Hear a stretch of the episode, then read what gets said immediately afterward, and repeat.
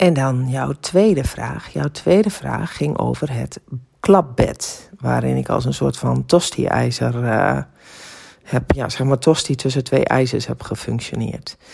Uh, maar dat moet je inderdaad zo zien zoals jij het beschreef in jouw, uh, de fantasie die jij had toen je op je rug kwam te liggen en in een bed wat een beetje te hard was voor, jou, voor jouw lijf. Ehm, ik kon vroeger uh, dacht ik althans, nooit op mijn rug slapen. Ik sliep altijd uh, in de zijhouding, in de, uh, ja, ze noemen, het volgens mij, ze noemen het volgens mij ook wel de foetushouding. dat was, vind ik, nog steeds een heel prettige manier om te liggen. Maar ja, toen ik mijn rug brak, werd ik ja, een soort van verplicht om op mijn rug te leren slapen. En ehm, ja, de eerste nacht dat ik in het ziekenhuis lag met die gebroken rug, uh, nou, toen heb ik echt alle seconden van, uh, van de klok voorbij zien, zien komen die nacht. Uh, en, en heel veel pijn gehad.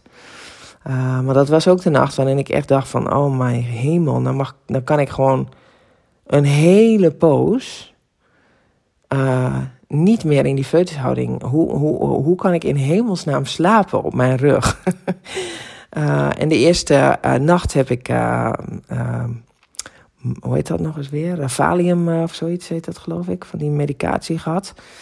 Nou, dat was echt niet iets waarin, wat is gewoon niet, daar ben ik niet geschikt voor, voor dat spul. Want ik zag werkelijk roze olifant voorbij komen wandelen en nou ja, ik, ik ben iemand die het heel prettig vindt om uh, haar geest onder controle te houden.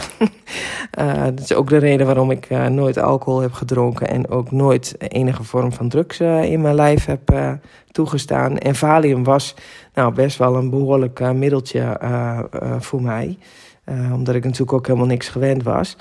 En, uh, maar ik heb na die eerste nacht gewoon echt meteen aangegeven... dat wil ik niet meer in mijn lijf. Want ik, ik vind dat heel naar dat ik roze olifanten zie... terwijl ik maar realiseer dat die er niet kunnen zijn. Um, dan doe die pijn maar en uh, iets van paracetamol... daar kan ik het ook wel mee doen. Maar um, in de eerste nacht heb ik dus echt heel veel pijn... de seconden van de klok vooruit kunnen tellen. Uh, en mij toen dus ook realiseren van... oh jee, ik ga never nooit kunnen slapen... want ik kan niet op mijn rug slapen. Uh, maar ik heb dat wel geleerd. Uh, want ik kwam inderdaad op een gegeven moment op een klapbed te liggen.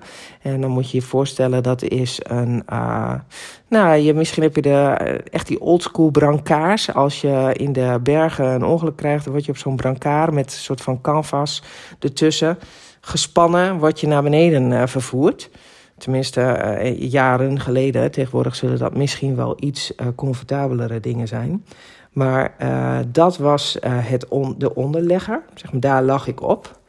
Uh, en ik had ook een deken van thuis mee, want het is natuurlijk gewoon onwijs koud. En normaliter mag je in het ziekenhuis absoluut geen dekens van thuis hebben in verband met hygiëne.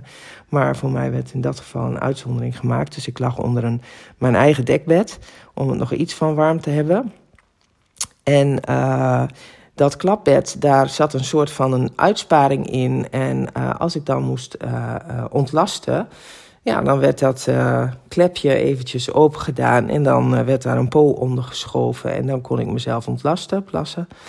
Of ja, poepen. Ja, weet je, dat moeten we ook allemaal als mens.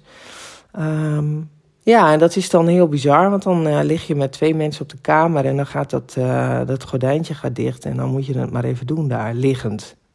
was ook heel bizar. Um, in zo'n periode leer je echt uh, je grenzen verleggen op uh, het mens zijn, zeg maar. Uh, want dat heeft mij best wel. ja, daar heb ik, dat, dat was ook een lesje overgave die ik daar heb, heb geleerd.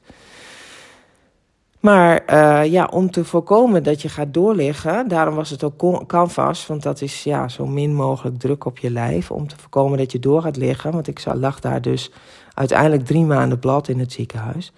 Werd er dan eenzelfde uh soort brancard bovenop mij gelegd. Als ik dus op mijn rug lag in het bed, dan werd dat brancard, die andere brancard, er bovenop gelegd. Dat werd aan de linkerkant werd dat een soort van vastgeklemd. Uh, zodat het, uh, zeg maar, uh, zoals een tosti-ijs, die kan openzetten. Nou, zo, zo, zo werd dat vastgelegd. En dan ging dat bed naar beneden. Dat werd vastgeknemd aan de rechterkant. En dan lag ik daar veilig, soort van, veilig tussen.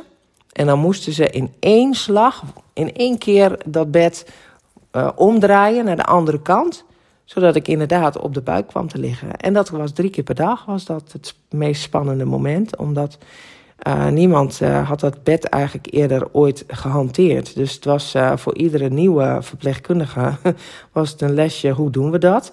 Ja, en dat, dat betekent ook wederom een les overgave voor mij. Want ja, weet je, elke beweging die verkeerd zou zijn... als je 1 millimeter van je rugmerg af ligt met de breuk... dat zou mij een dwarslesie kunnen opleveren. Dus ja, ik heb in die periode in het ziekenhuis echt geleerd wat overgave is en wat um, uh, jouw lot in, het hand van, in de handen van anderen leggen betekent.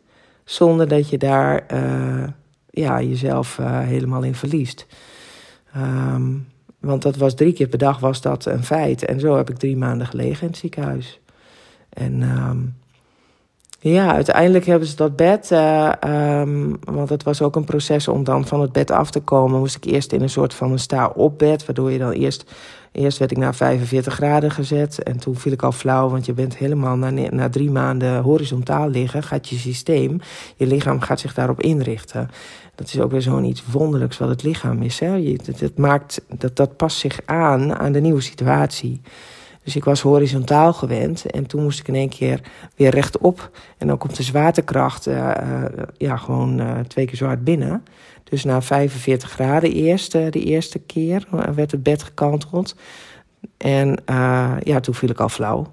Dus, en de dag daarna ging ik eerst gelijk naar 45 en toen gelijk door naar 90 graden. Dus dat ging echt in twee etappes.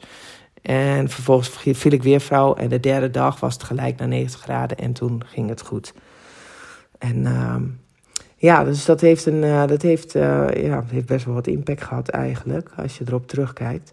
Maar dat bed werd op een gegeven moment um, naar buiten geschoven. En dat is ook nooit meer ingezet daarna omdat eigenlijk, uh, en dat wist ik niet hoor, dat vertelde mijn moeder. Die zei, dat, dat, dat had ze, hadden ze haar verteld. Het bed, um, daar werden een heleboel mensen helemaal gek op. Uh, dus uh, mensen die het gewoon niet vol konden houden om zo lang op zo'n bed te blijven liggen zonder dat ze iets anders konden doen. Dus naast dat het natuurlijk verzekeringstechnisch waarschijnlijk veel lucratiever is om meteen te opereren, want dan is de tijd in het ziekenhuis natuurlijk veel minder lang.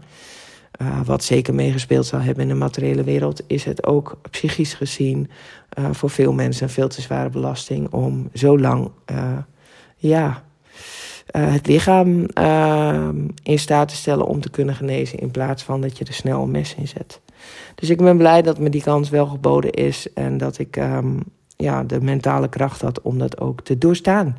Um, en ja, dus dat was mijn tosti-ervaring.